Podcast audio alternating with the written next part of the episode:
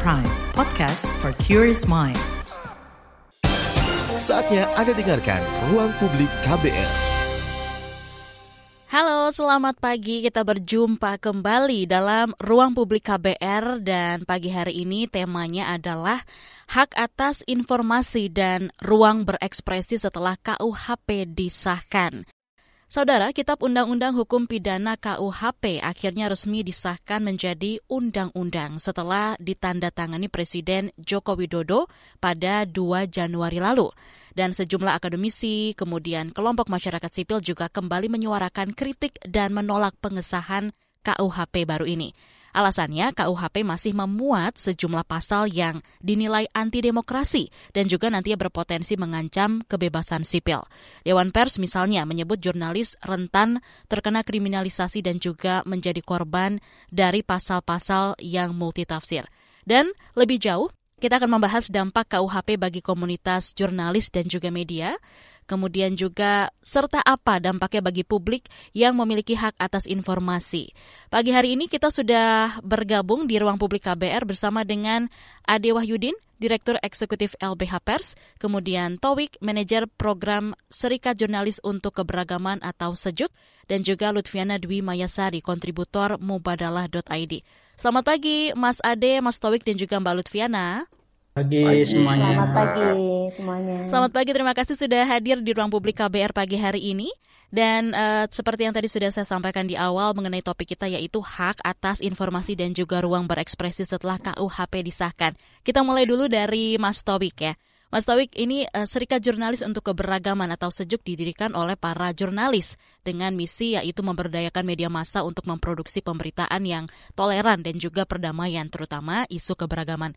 Mungkin secara umum bisa dijelaskan seperti apa nih Mas tanggapan dari Sejuk sendiri atas pengesahan KUHP bulan Desember lalu? Silakan. Ya, uh, ini sangat disayangkan ya. Oh ya, mungkin sekaligus menyapa pemirsa KBR. Selamat pagi semuanya. Uh, terima kasih buat KBR untuk apa uh, inisiasi memperbincangkan KUHP kaitannya dengan kebebasan beragama dan berkeyakinan.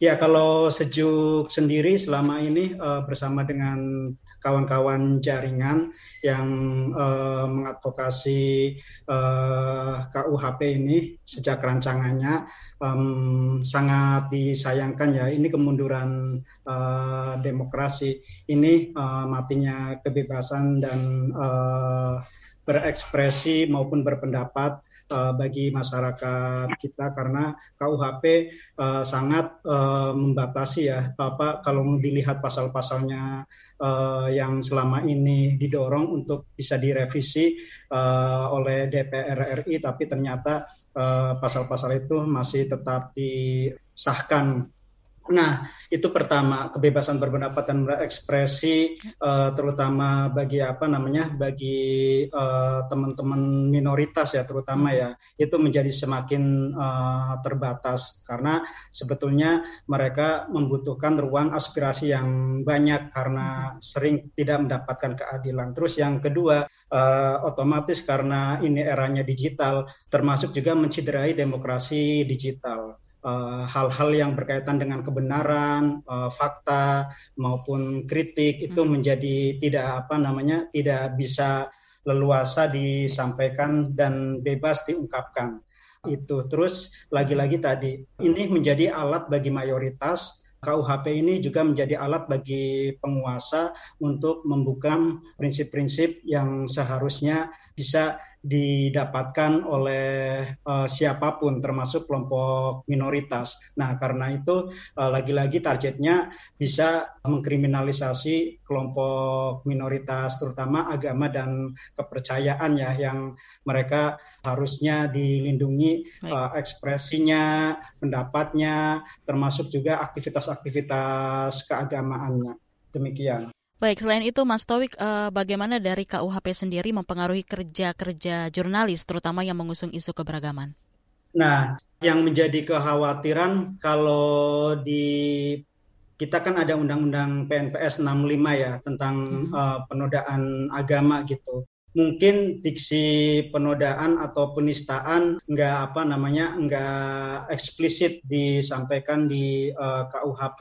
Tapi kita tahu misalnya kebencian, kemudian permusuhan yang berkaitan dengan agama, itu kan eh, diksi-diksi yang sangat karet. Jadi ketika apa namanya uh, media pertama ya uh, mengangkat isu ini terus jurnalisnya ketika mau menuliskan apa namanya isu yang berkaitan dengan agama uh, yang mungkin juga kontennya adalah mengkritik apa bisa pimpinan agama yang sedang menyampaikan khutbah misalnya hmm. atau pengajian gitu kemudian bisa juga teologinya dogmanya dan mungkin tafsir-tafsirnya yang ingin dikritisi itu menjadi uh, sulit konten itu dimunculkan. Jadi di situ akan ada sensor uh, termasuk juga swasensor dari KUHP ini. Jadi itu sangat bahaya untuk kebebasan hmm. pers. Baik, Mas Tawik. Sekarang kita beralih ke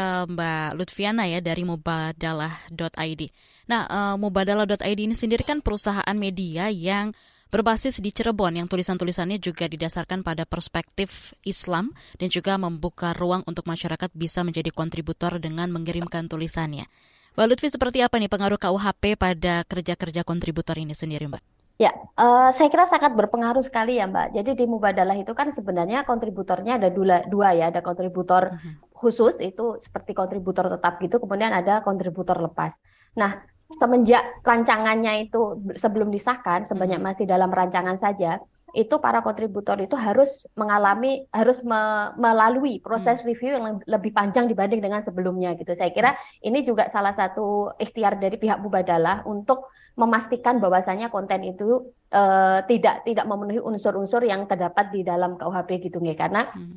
uh, konten keagamaan itu uh, memang perspektifnya Mubadalah itu kan uh, ada perspektif lain yang ingin dimunculkan seperti itu. Yang kalau misal itu tidak umum gitu kan, maka kita akan berpotensi untuk diserang seperti itu. Nah, jadi di uh, kontributor tetap itu kami ada review bertahap, bahkan reviewernya itu salah satunya berasal dari Dijen Polpum Kemendagri, hmm. di mana setiap review dari artikel kita itu harus dipastikan yang pertama apakah kontennya bertentangan dengan nilai Pancasila karena itu amanatnya seperti itu. Ya. Kemudian apakah rujukan yang dijadikan kontributor untuk menulis itu kredibel atau tidak? Ya. Kemudian apakah tulisan tersebut mengandung head speed atau tidak gitu. Jadi reviewnya panjang sekali.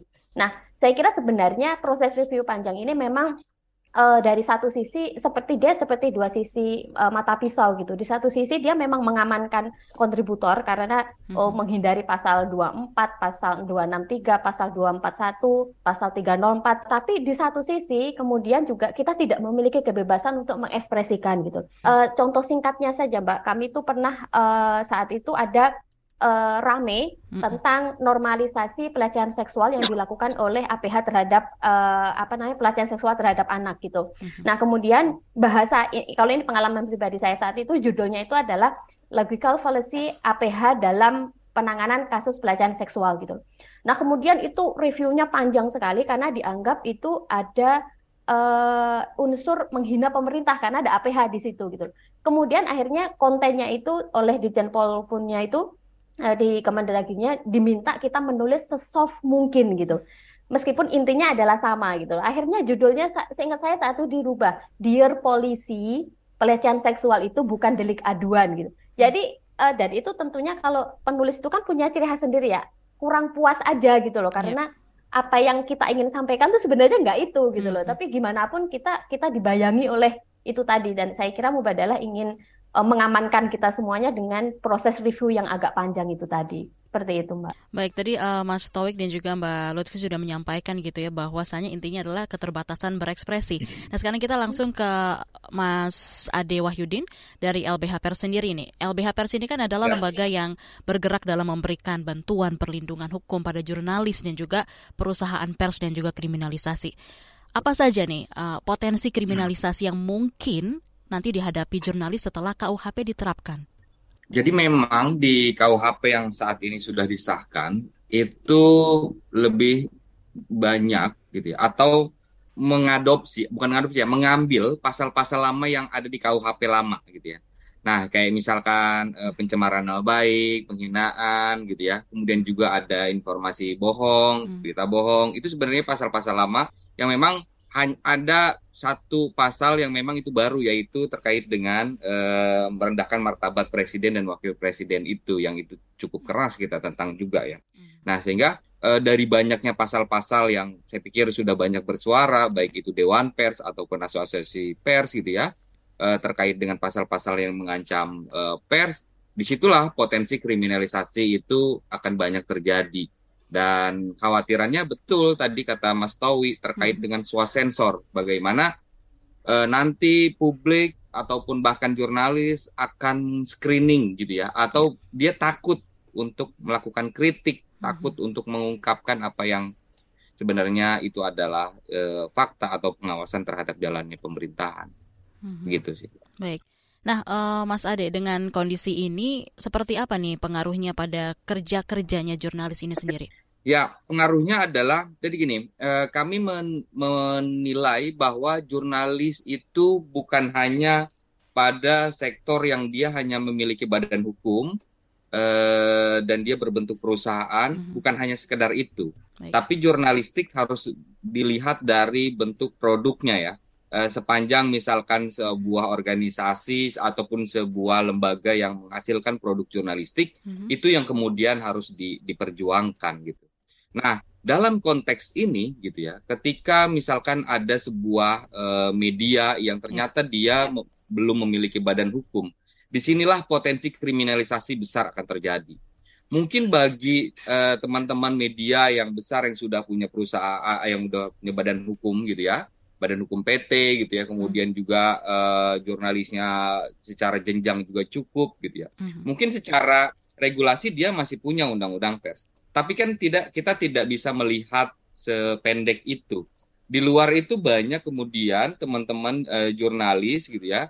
Jurnalis warga atau mm. jurnalis kampus yang ternyata dia secara karya mungkin bagus. Dan di sanalah titik rentan bagi teman-teman yang memang tidak dilindungi oleh undang-undang pers. Baik Mas Ade, Mas Toik dan juga Mbak Lutfi nanti kita akan lanjutkan kembali obrolan kita di pagi hari ini tentunya mengenai tema kita yaitu hak atas informasi dan ruang berekspresi setelah KUHP disahkan. Ruang Publik KBR akan kembali. Masih Anda dengarkan Ruang Publik KBR. Commercial break. Ada kesedihan, air mata, dan trauma. Namun ada juga gelak tawa, bahagia, dan rasa bangga. Cerita kehidupan manusia adalah perjuangan dan pembelajaran. Pertanyaan dibalik itu secara psikologi, apakah dia punya niat membunuh? Kan belum tentu. Saya kaget ketika ada konflik sesama orang Madura sendiri mengatasnamakan aliran keagamaan. Sejak itu, warga Syiah harus mengungsi sampai sekarang. Untuk kehidupan saya pada waktu itu aja nggak menentu kan. Boro-boro mikirin untuk perpustakaan gitu. Saga, cerita tentang nama, peristiwa, dan fakta. Liputan khas KBR ini telah memenangkan berbagai penghargaan nasional dan internasional. Anda sedang mendengarkan program Saga Produksi KBR. Simak di program Buletin Pagi pukul 6 waktu Indonesia Barat, Buletin Sore pukul 16 waktu Indonesia Barat, dan KBR Pagi pukul 7 waktu Indonesia Barat. Dengarkan Saga di radio jaringan KBR di Nusantara atau streaming di kbr.id. Saga juga hadir dalam bentuk podcast di kbrprime.id. KBR, inspiratif, terpercaya. Masih Anda dengarkan Ruang Publik KBR. Anda masih menyimak ruang publik KBR dengan tema kita pagi hari ini yaitu hak atas informasi dan ruang berekspresi setelah KUHP disahkan. Yang juga bisa Anda dengarkan di 104,2 MS3 FM bagi Anda yang berada di Jakarta ataupun juga bisa langsung streaming melalui channel YouTube Berita KBR. Pagi hari ini kita masih berbincang dengan Mas Ade, kemudian juga Mas Tawik dan juga Mbak Lutfi. Baik, uh, tadi uh, sebelum kita melanjutkan pertanyaan uh, pertanyaan berikutnya, jurnalistik di Mubadala sendiri ini kan sudah direview panjang gitu ya termasuk oleh aparat pemerintah padahal eh, KUHP ini belum diberlakukan. Mungkin bisa ditanggapi dulu uh, dari Mas Towik gitu ya. Ini sebenarnya saat ini kan ancaman terhadap jurnalis sudah ada gitu Mas Towik. Bagaimana tanggapan Anda panjangnya review yang harus dilalui sebuah produk jurnalistik bahkan uh, oleh aparat ini sendiri Mas Towik? Ya, ini ancaman KUHP itu menjadi sangat serius ya. Hmm. Uh, tadi disampaikan sama Mbak Lutfi di Mubadalah juga, karena kan isu agama itu isu yang sangat sensitif, hmm. uh, sehingga misalnya jurnalis sampai di tingkat editor bahkan pemilik media pasti akan sangat uh, hati-hati uh, bahkan menghindari untuk membicarakan uh, persoalan-persoalan yang berkaitan dengan uh, agama, terutama ketika pandangannya atau tun yang akan dituliskannya itu uh, kritis terhadap agama mayoritas atau pimpinan uh, agama. Nah, ini uh, kemunduran besar bagi teman-teman uh, media di satu hal karena uh, seharusnya ruang ekspresi mereka ketika reformasi dibuka itu menjadi uh, terasa gitu kebebasan persnya. Itu pertama. Terus yang kedua seperti yang tadi disinggung ya. bahwa hak uh, publik untuk mendapatkan informasi fakta yang sebenarnya itu menjadi terbatasi misalnya berkaitan dengan kelompok minoritas. Uh, kita misalnya baru saja dikagetkan uh, dengan satu uh, kelompok keagamaan yang katanya datang dari Malaysia yang uh-huh. uh, hadir di Sulawesi. Uh, nah, ini kan karena informasi yang disampaikan uh, tidak baik di media sosial, kemudian pihak-pihak uh, uh, yang terkait dalam hal ini uh, negara, uh, eh, FKUB, MUI, uh, eh, atau mungkin eh, ulama-ulama uh, dari agama atau keyakinan dominan uh, itu uh, akhirnya memberikan stigma, memberikan langsung stempel kepada uh, komunitas ini uh, tanpa uh, terlebih dahulu bagaimana apa namanya uh, melakukan tabayun, melakukan klarifikasi. Nah, media ketika mau masuk ke dalam isu-isu seperti ini pasti akan khawatir kalau misalnya hmm. memberikan fakta atau kebenaran bahwa uh, komunitas ini tidak me, apa namanya tidak melanggar uh, prinsip-prinsip uh, misalnya dalam beragama uh, dan berkeyakinan sesuai dengan konstitusi atau bahkan mungkin uh, itu sama dengan varian muslim yang lainnya gitu itu pasti nggak berani karena uh, tekanan dari mayoritas itu uh, akan besar terhadap hmm. media itu Nah, kira-kira uh, seperti itu. Baik, uh, Mas Tawik. Nah, kalau uh, Mbak Lutfiana untuk tulisan yang dibuat Mbak Lutfiana sendiri ini, apakah ada nih Mbak hal-hal yang saat ini dihindari pada saat membuat berita? Mungkin bisa diceritakan. Ya, uh, gini Mbak, memang kalau kita sebagai kontributor di Mubadalah itu ya kita kan uh, di, di, dihadapkan dengan dua dua pasal yang sama-sama karet gitu. Satu adalah pasal tentang jurnalistik, kemudian yang kedua adalah pasal tentang keagamaan. Jadi dua-duanya itu bisa kayak kena gitu loh Mbak dari kanan dari kiri kena gitu. Nah kemudian uh, saat ini memang di mubadalah.id seperti yang dijelaskan tadi proses reviewnya itu agak ketat juga. Maka dari kontributor dari kami sendiri itu lebih memilih untuk menulis yang uh, apa namanya mengamankan juga gitu, hmm. mengamankannya. Tapi sekali lagi kita tidak punya kebebasan gitu loh. Hmm. Kita takut karena dibayangi dengan ketakutan gitu. Contoh yeah. saja pembahasan-pembahasan yang sekiranya tidak umum di uh, tidak umum dalam pemahaman masyarakat. Kayak kita ingin membahas yeah. tentang child free misal, karena hmm. child free uh, lumayan ramai juga pembahasannya. Yeah. Nah, kemudian ternyata pemahaman atau perspektif keagamaan yang kita ambil itu kebetulan tidak sesuai dengan yang dipahami oleh publik gitu. Maka kita bisa aja kita bisa aja dijerat menggunakan pasal 24 yang karena tulisan kita menimbulkan konflik dan keonaran misalnya. Yeah. Kemudian di satu sisi kita juga kena pasal 301 gitu karena kita menulis agar tulisan kita diketahui oleh umum melalui sarana teknologi informasi yang berkaitan dengan tiga hal gitu. Perbuatan yang bermusuhan, kebencian dan permusuhan menghasut untuk melakukan permusuhan dan juga uh, kekerasan atau diskriminasi gitu. Kita bisa aja kena dua-duanya gitu. 24 kena, pasal 3 301 hmm. juga kena gitu loh. Jadi uh, hmm. memang akhirnya kita lebih uh, bedanya gini kalau di Mubadalah itu kan kita modelnya kajian ya Mbak. Karena yeah. kajian maka uh, kita tidak hanya menjelaskan oh di sana ada ini, di sana hmm. ada ini gitu tidak. Kalau jurnalis kan memang dia menginformasikan sesuatu. Tapi kalau di Mubadalah itu kan semi kajian gitu. Hmm. Jadi hmm. ada analisisnya dan sebagainya. Tapi seperti kita ketahui bahwa uh, judul tagline itu kan orang kadang heboh hanya karena postingan di Instagram gitu. Yang akhirnya yang diserang itu adalah hmm. kontributornya dan juga medianya. Bahkan pernah dianggap media sesat. Saya pernah dikafirkan. Hmm. Saya sudah Islam berkali-kali kayaknya Mbak, sudah kafir berkali-kali juga karena tulisan-tulisan yang hmm. sebenarnya tidak tidak umum aja dipahami oleh masyarakat padahal kita menulis berdasarkan sumber yang kredibel juga sebenarnya hmm. gitu. Jadi memang kita selalu dibayangi dua pasal itu tadi gitu. Kiri kanan kena gitu ya Mbak? Ya kiri kanan kena jurnalistik kena, keagamaannya kena gitu. Baik, kita ke Mas Ade ya.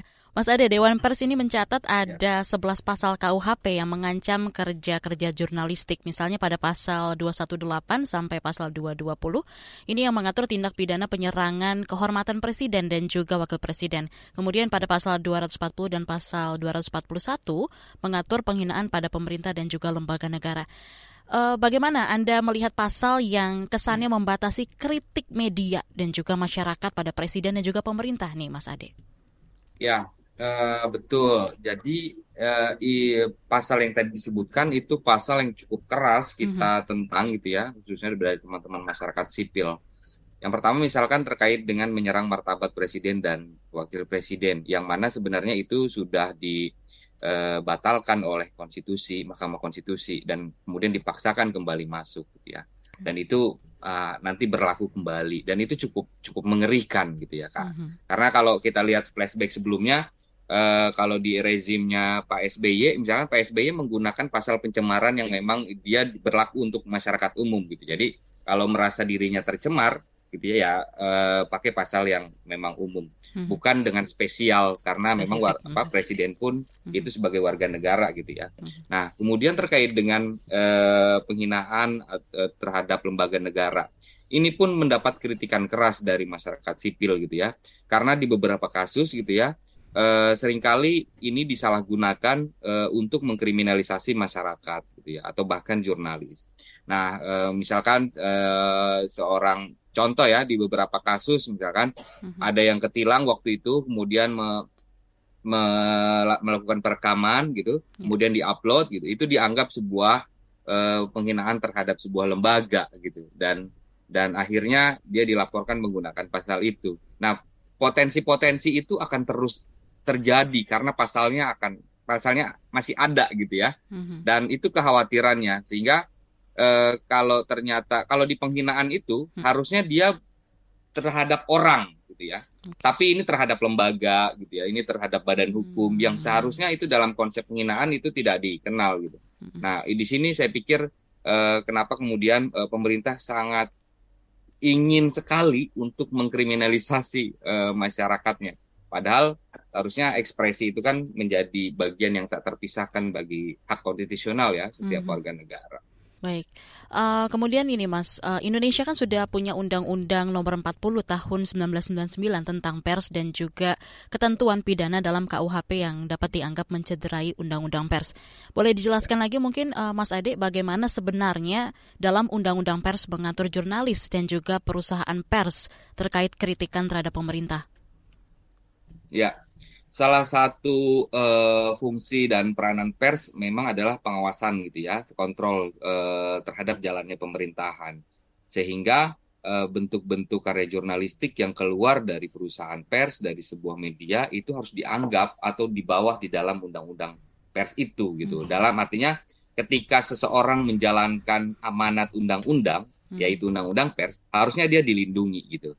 Nah, eh, tapi kemudian dalam beberapa eh, kasus eh, terkadang eh, pejabat ataupun bahkan penegak hukum terlalu kaku melihat eh, undang-undang pers ini. Hmm. Mereka hanya melihat sebuah tataran administratif gitu ya. Ketika memang eh, yang mempublikasikan tidak memiliki badan hukum misalkan, ya. dia langsung ini dikeluarkan dari ranah undang-undang pers. Padahal sebenarnya substansi dari undang-undang pers itu kan sebuah karya jurnalistiknya. Hmm. Harusnya diuji dulu dong sebelum kemudian dia melihat kesyarat administratifnya gitu. Ya.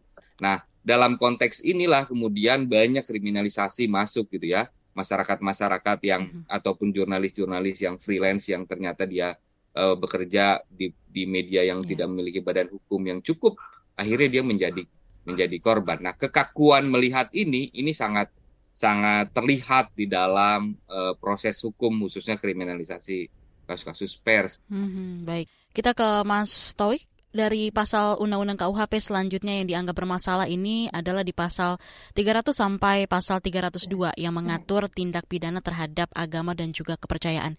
Mas Tawik, dari perspektif uh, kebebasan beragama dan juga berkeyakinan, bagaimana dari Sejuk sendiri melihat pasal ini, Mas? Ya, ini uh, seperti yang tadi sempat saya sampaikan di awal bahwa uh, mungkin um, blasphemy atau penodaan agama tidak uh, di secara eksplisit dicantumkan dalam uh, KUHP, tapi pasal-pasal yang tadi disebut oleh Mbak Naomi uh, sebenarnya bukan hanya 300 301 hmm. uh, termasuk juga 304 gitu terhadap okay. pimpinan terhadap orang hmm. yang sedang menyampaikan uh, misalnya ya uh, head speech dalam hmm. khutbahnya hmm. gitu uh, kemudian uh, apa namanya um, pihak yang merasa dirugikan dari uh, head speech itu menyampaikan pandangannya nanti bisa uh, kena juga terutama kelompok minoritas. Jadi pasal 300, 301, 304 adalah bentuk lain dari uh, blasphemy dari apa namanya uh, penodaan agama yang dalam nomenklatur hukum uh, di internasional itu blasphemy sudah enggak apa namanya sudah enggak harusnya dipakai oleh negara-negara yang demokrasinya uh, apa namanya menjadi landasan uh, untuk berbangsa dan bernegara. Karena itu saya kira uh, ini menjadi kemunduran ya, ya. karena kalau melihat apa namanya uh, hukum yang atau pidananya yang uh, di tentang penodaan agama atau hmm. tentang uh, permusuhan, kebencian terhadap uh, agama, terhadap uh, keyakinan itu itu bisa lima tahun. Bayangkan hmm. gitu, uh, lima tahun. Termasuk juga menyiarkan, hmm. bukan hanya kelompok minoritas, uh, termasuk jurnalis, termasuk media juga uh, bisa kena. Yang seharusnya sengketa pers itu sudah tadi disebutkan sama Mbak Nomi ada uh, mekanismenya sendiri, ada undang-undang pers, harusnya tidak ke kepolisian tapi lewat dewan pers. Tapi karena ada pasal seperti ini, uh, maka jurnalis pun atau media pun bisa yang tadi disebut uh, disensor hmm. bisa mengalami sewa sensor gitu untuk tidak mengangkat isu-isu yang berkaitan dengan uh, ajaran keagamaan atau pandangan uh, pimpinan agama tertentu uh, yang perlu dikritisi karena kan selain fungsi media uh, untuk um, mengawasi mengontrol uh, kekuasaan juga kan mengedukasi publik jadi prinsip uh, edukasi menyampaikan kebenaran, informasi yang uh, seimbang itu bisa terreduksi karena um, KUHP pasal 300, 301 dan 304 itu. Baik, uh, Mas Towik, Mas Adi dan juga Mbak Lutfiana, tahan dulu. Nanti kita akan lanjutkan kembali perbincangan kita di ruang publik pagi hari ini dengan tema hak atas informasi dan ruang berekspresi setelah KUHP disahkan. Ruang Publik KBR akan segera kembali. Masih Anda dengarkan Ruang Publik KBR. Yuk follow social media KBR. Twitter at Berita KBR, Instagram at KBR.id, Youtube Berita KBR. Masih Anda dengarkan Ruang Publik KBR. Kembali lagi di ruang publik KBR pagi hari ini dengan tema kita yaitu hak atas informasi dan ruang berekspresi setelah KUHP disahkan. Masih bersama dengan ketiga narasumber kita ada Mas Adi dari LBH Pers, Mas Towik dari Serikat Jurnalis untuk Keberagaman atau Sejuk dan juga Mbak Lutfiana dari mubadalah.id. Nah kita ke Mbak Lutfiana dulu ya. Mbak Lutfi, ini seperti apa bentuk perlindungan yang diberikan dari mubadalah.id kepada para jurnalisnya? Jadi uh, begini Mbak, mungkin kalau di Mubadalah itu kan kami bahasanya adalah kontributor ya, bukan Baik. wartawan. Dan seperti kita tahu bahwa di Undang-Undang Jurnalisme juga istilah kontributor itu kan juga masih menimbulkan hmm. uh, apa ya polemik itu karena kontributor itu kan sebenarnya dia tidak memiliki kontrak, juga tidak memperoleh pembelaan pada saat menghadapi masalah seperti itu. Dan itu kita menjadi kontributor itu bukan karena uh, itu karena keinginan kita ingin menyampaikan aspirasi hmm. kita, kemudian kita melalui media-media itu gitu ya. Jadi memang uh, saya kira uh, kaidah jurnalistik dan juga di kontributor yang ada di Mubadalah itu memang sedikit ada perbedaan gitu ya, terutama hmm. di hak-haknya gitu. Nah uh, mungkin salah satu yang dilakukan Mubadalah untuk melindungi kami penulisnya itu adalah ya dengan melakukan uh, proses review yang panjang itu tadi gitu loh. Dan uh, selain proses review dari Mubadalah sendiri sebenarnya kita kalau sampai ke selama saya di Mubadalah ya dari 2020 itu belum ada sebenarnya yang sampai dituntut uh, lewat uh, hukum gitu tidak ada. Tetapi uh, banyak head speed kemudian uh, yang diserang itu adalah uh, websitenya Mubadalah. Jadi sempat pernah di uh, take down beberapa kali seperti itu. Jadi memang uh, karena kita itu include sebagai istilahnya adalah kontributor Mubadalah, maka semua yang terjadi dan uh, yang dialami oleh kontributornya itu hampir seluruhnya di uh, apa namanya diambil alih oleh mubadalah gitu loh. Jadi hmm. kita sebagai kontributornya itu dilindungi dengan cara tidak tidak ditunjukkan misal okay. uh, eh, meskipun tulisan kita ada ya, tapi kan hmm. kita sering pakai nama nama apa namanya nama pena gitu sehingga hmm. Instagram kita aman. Tapi sempat juga sampai yang nemu Instagramnya dan itu terus dibuntuti dan ya itu tadi mengenakan malah malah malah kontributornya yang kena head speech gitu tapi hmm. Mubadalah mungkin salah satunya karena kita tulisannya uh, jenisnya adalah kontributor itu tadi maka itu salah satu bentuk pelindungan dari Mubadalah agar kita merasa aman menjadi kontributor di sana seperti itu. Baik uh, Mbak Lutfi, Mas Ade dan juga Mas Tawi kita baca-baca dulu nih ada beberapa komentar yang masuk di channel YouTube Berita KBR dari Bimo Bramantio Murti ingin bertanya, apakah menurut Bapak atau Ibu ada langkah-langkah atau cara strategik yang bisa masyarakat lakukan untuk tetap bisa berekspresi tanpa melanggar KUHP yang baru? Silakan dari Mas Ade, bisa ditanggapi terlebih dahulu. Ya, eh, terkait dengan langkah-langkah ya. Betul bahwa saat ini kita punya banyak regulasi yang sangat membatasi ekspresi. Tapi ada satu prinsip yang uh, itu saya pikir berlaku untuk umum gitu, yaitu ketika kita menyampaikan fakta itu bukanlah sebuah tindak pidana gitu ya. Nah, artinya kita harus benar-benar serius, kita harus benar-benar yakin bahwa yang kita sebarkan adalah fakta. Eh, fakta yang kemudian bukan hanya dengar dari orang gitu, mm -hmm. tapi kemudian yang ternyata itu kita yakini bahwa itu sebuah kebenaran. Nah, artinya ketika kita menyebarkan sebuah kebenaran, pasal apa pun itu harusnya tidak bisa menjerat itu, gitu ya.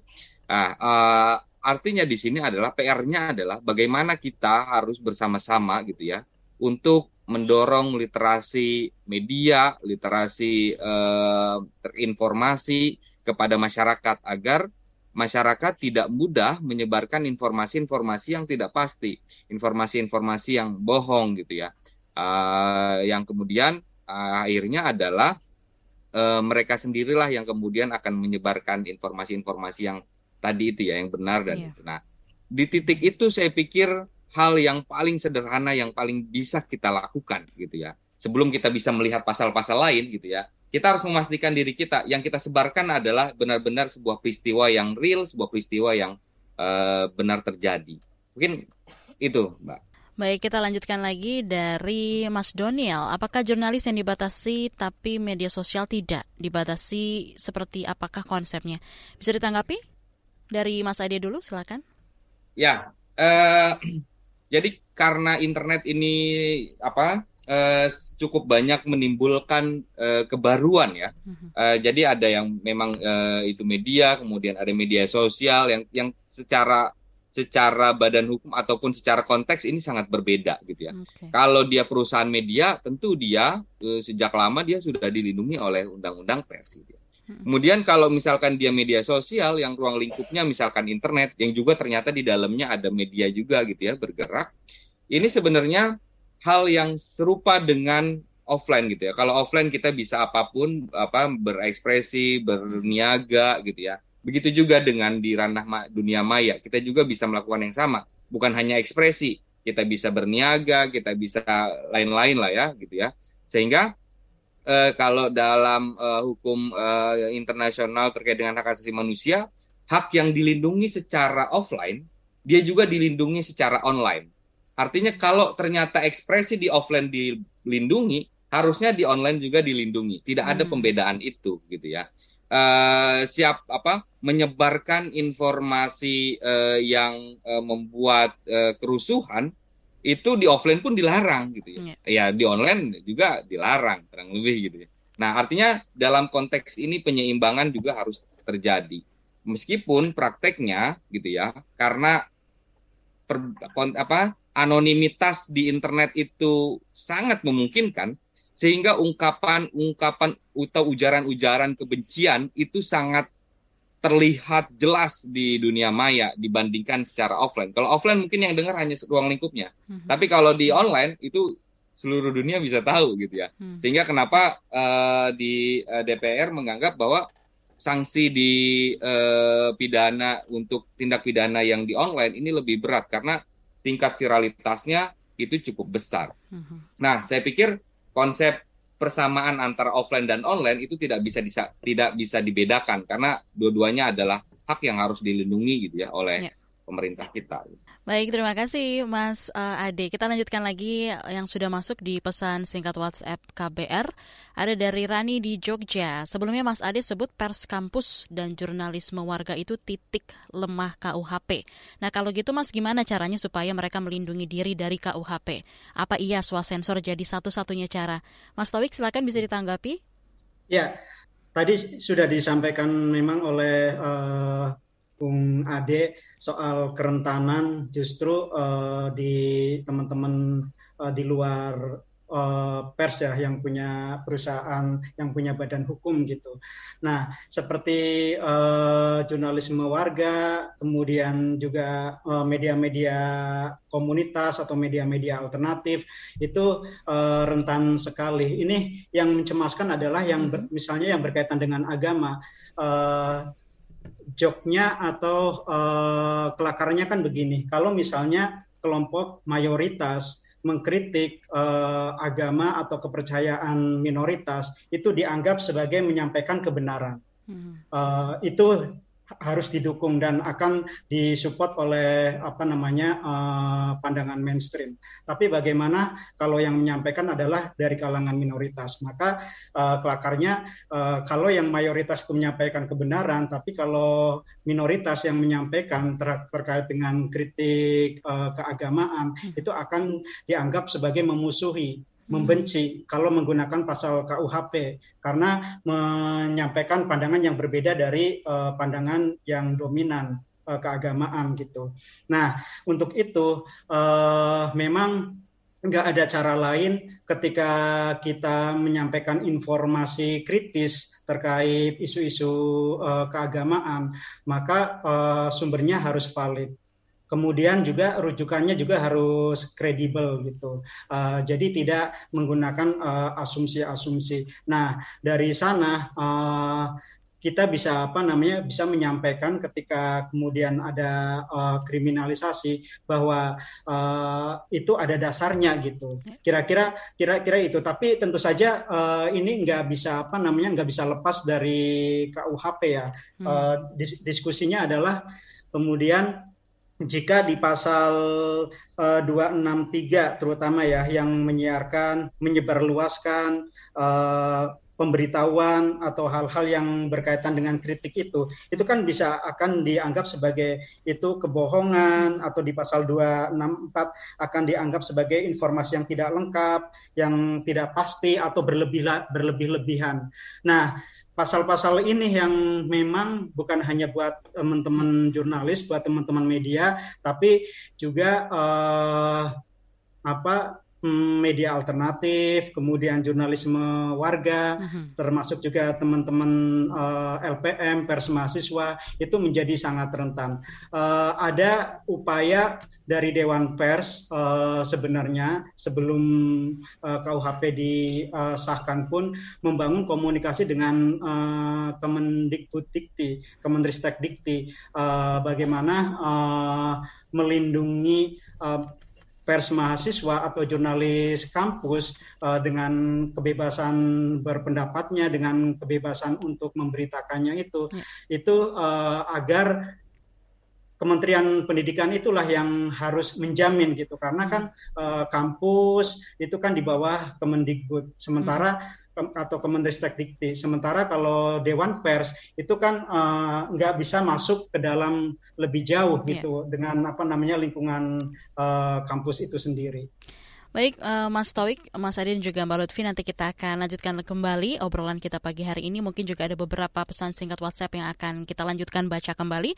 Tetaplah di ruang publik KBR dengan tema kita hak atas informasi dan ruang berekspresi setelah KUHP disahkan. Masih Anda dengarkan Ruang Publik KBR. Commercial break.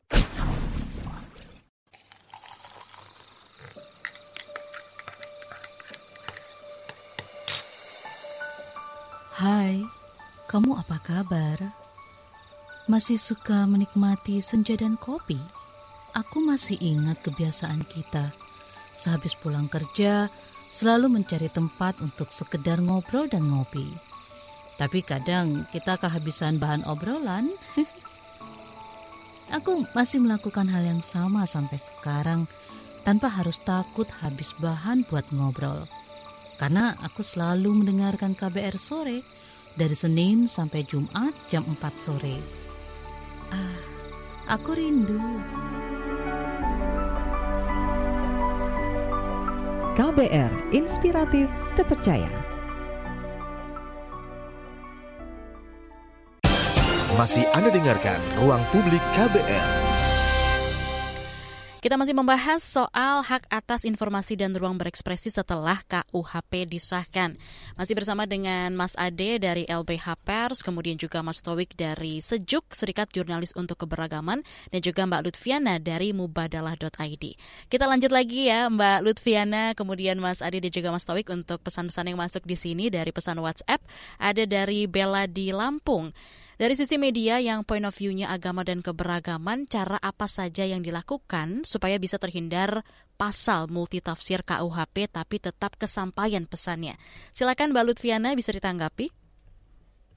Ya, uh, saya kira pertanyaan itu memang menjadi uh, isu atau konsen kita saat ini gitu ya Mbak ya bagaimana kita kontributor yang di uh, isu keagamaan ini mm-hmm. kita tetap bisa menyuarakan pendapat kita dengan perspektif kita tapi juga tetap aman gitu. Mm-hmm. Nah, uh, salah satunya memang yang bisa dilakukan adalah swasensor itu dari kita sendiri sebagai penulis uh, kita bisa yang bisa menimbang apakah tulisan ini di dalamnya itu ada uh, apa apakah referensinya kredibel atau tidak, ya. kemudian penyusunan atau pemilihan diksinya itu karena kritik dengan head speed itu kan dikit sekali ya Mbak ya jaraknya gitu. Ketika kita hmm. kita ya kita mengkritik uh, apa namanya cara beragama misal hmm. dari kelompok tertentu pada uh, itu bukan bukan bukan kritik gitu loh, tapi uh, misal kita mau uh, ke kelompok keagamaan tertentu dalam menanggapi isu tertentu. Nah, yang kita kritisi adalah kelompok agama itu dalam mengkritisi uh, cara beragama seseorang gitu loh misal.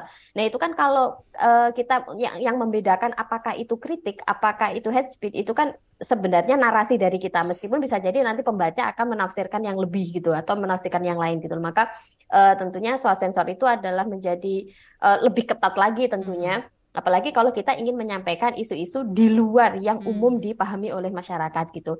Kemudian uh, yang ke, cara yang kedua itu juga uh, sekali lagi penggunaan referensi itu harus hmm. benar-benar kredibel dan bisa dirujuk oleh pembaca gitu loh. Karena hmm. kalau di bidang kajian itu kan kita tulisannya panjang, Mbak. Yeah. Minimal itu 600 kata, maksimal 1000 kata gitu. Jadi referensinya benar-benar uh, kita memastikan itu bisa dipercaya gitu loh. Kayak misal uh, saya dulu pernah eh, bukan mubadalah sih, mubadalah.id itu pernah dikritik ketika mengkaji tentang puasanya perempuan yang menstruasi gitu. Mm-hmm. Sebenarnya intinya itu bukan bukan ajakan untuk mengajak perempuan menstruasi untuk berpuasa, tapi dalam konten itu uh, tim Mubadalah ID berusaha untuk oh ada loh uh, uh, apa namanya ulama yang mengartikan uh, apa namanya punya pendapat seperti ini dengan dasar seperti ini gitu loh mm-hmm. dan lain sebagainya. Wah itu hujatannya luar biasa mm-hmm. gitu. Jadi hal hal-hal seperti ini sebenarnya yang kita hindari. Jadi penggunaan bahasa-bahasa mungkin juga lebih soft lagi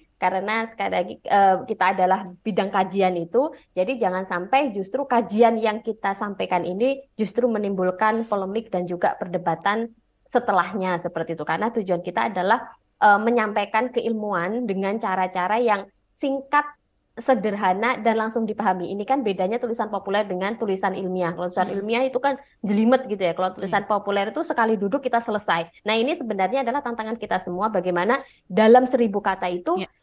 uh, pesan yang disampaikan itu tersampaikan, kemudian referensinya juga jelas seperti itu. Baik, kita lanjut kembali. Ini ada yang sudah masuk kembali di komentar di channel YouTube Berita KBR dari Apriliana Lestari.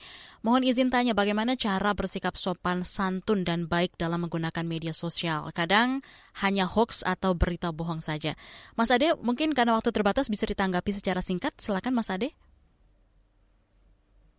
Ya, kalau di uh, offline kita sering punya ungkapan mulutmu harimaumu gitu ya. Mm-hmm. Kalau di online itu jarimu ya harimaumu gitu. Artinya memang kita harus menahan jari kita untuk uh, melakukan sesuatu kalau memang itu belum benar-benar terverifikasi gitu ya. Mm-hmm. Uh, uh, ataupun bahkan untuk membuli segala macam gitu yeah. ya. Jadi sepanjang kita bisa mengontrol uh, jari kita uh, dalam bermedia sosial, saya pikir pasal-pasal itu harusnya bisa ter, terhindarkan gitu. Ya. Hmm. Tapi jangan juga ini menjadi ketakutan untuk melakukan sebuah kritik, ketakutan untuk menyebarkan kebenaran.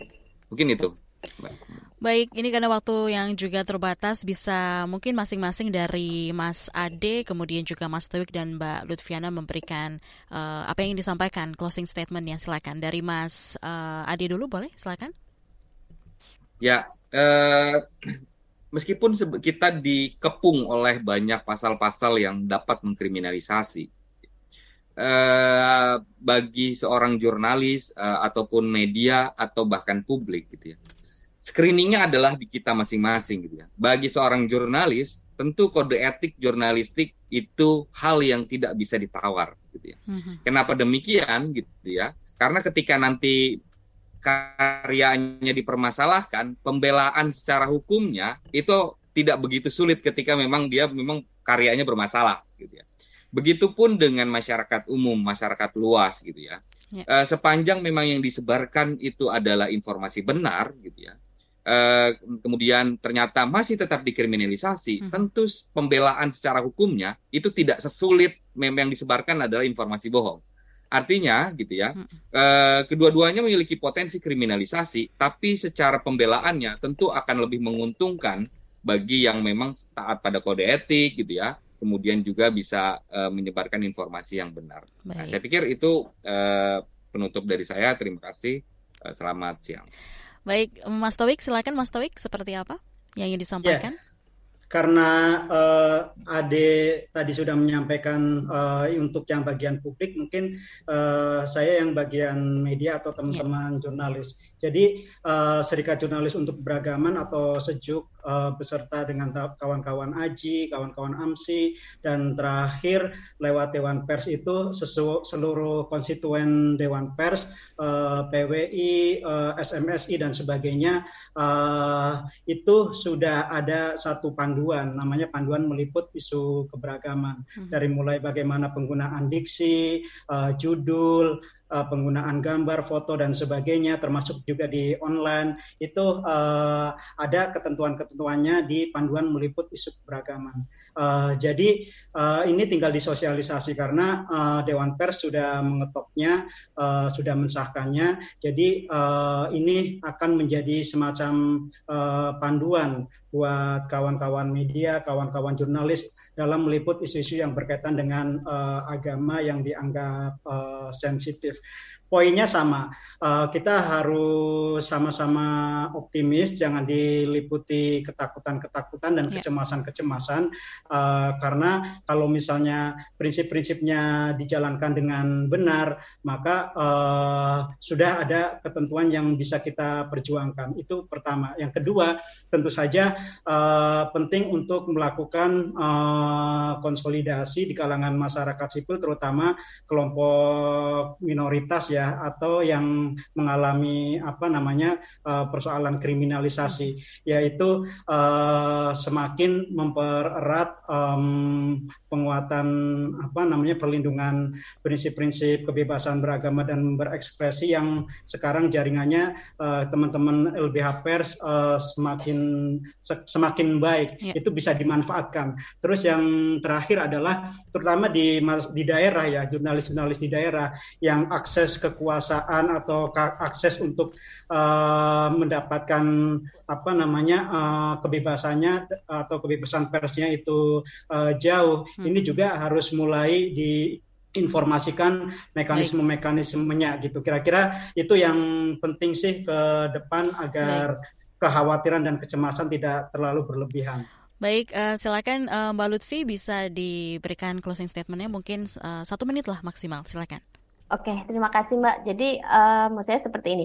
Kontributor itu kan sekali lagi dia tidak seperti uh, wartawan ya. Dia tidak mempunyai surat kontrak kerja dan juga tidak memperoleh pembelaan ketika menghadapi masalah gitu. Saya termasuk beruntung karena berada di bawah naungan Mubadalah yang bisa menghandle kita semua sebagai kontributor. Tapi saya tidak bisa membayangkan masih banyak di luar sana kontributor-kontributor yang tidak memiliki kontrak dan juga mungkin tidak bisa memiliki pembelaan ketika menghadapi masalah gitu. Jadi, harapan saya sebenarnya justru hmm. dari uh, tim apa Aji dan lain sebagainya itu itu mulai melihat gitu seba, uh, jumlah kontributor kita itu juga sangat banyak sekali gitu. Jadi bagaimana kontributor juga bisa mendapatkan hak-haknya sebagai uh, seorang uh, jurnalis juga gitu. Kemudian yang kedua Uh, meskipun ada masalah dan banyak tantangan yang akan kita hadapi tentunya ke depan, tapi sebagai uh, apa namanya uh, kontributor yang mengangkat isu-isu keagamaan, saya kira tidak menjadi alasan untuk kita mundur karena sekali lagi publik pasti merujuknya kepada uh, media online gitu loh. Misal hukum-hukum keagamaan, kasus dan sebagainya, mereka masih tetap butuh uh, asupan tulisan dari para kontributor keagamaan ini. Jadi saya kira uh, kita hanya perlu untuk lebih berhati-hati saja, tapi jangan sampai dengan adanya aturan tersebut justru membuat kita ini berhenti berkarya. Seperti itu, Mbak. Baik, demikian Ruang Publik KBR dengan tema kita pagi hari ini hak atas informasi dan ruang berekspresi setelah KUHP disahkan. Terima kasih sekali lagi untuk ketiga narasumber kita ada Mas Ade Wahyudin, Direktur Eksekutif LBH Pers, kemudian juga Mas Towik, Manajer Program Sejuk, dan juga Mbak Lutfiana Dwi Mayasari, kontributor mubadalah.id. Terima kasih. Dan terima, terima kasih, kasih juga untuk para pendengar yang sudah menyimak Ruang Publik KBR hari ini. Jangan lupa besok Ruang Publik KBR akan kembali dengan tema yang akan diangkat adalah transisi energi sampai di mana Indonesia. Jadwalnya juga sama ya, pukul 9 sampai jam 10 pagi di Ruang Publik KBR. Saya Nomi Liandra pamit, selamat pagi dan sampai jumpa. Baru saja Anda dengarkan Ruang Publik KBR. KBR Prime, cara asik mendengar berita. KBR Prime, podcast for curious mind.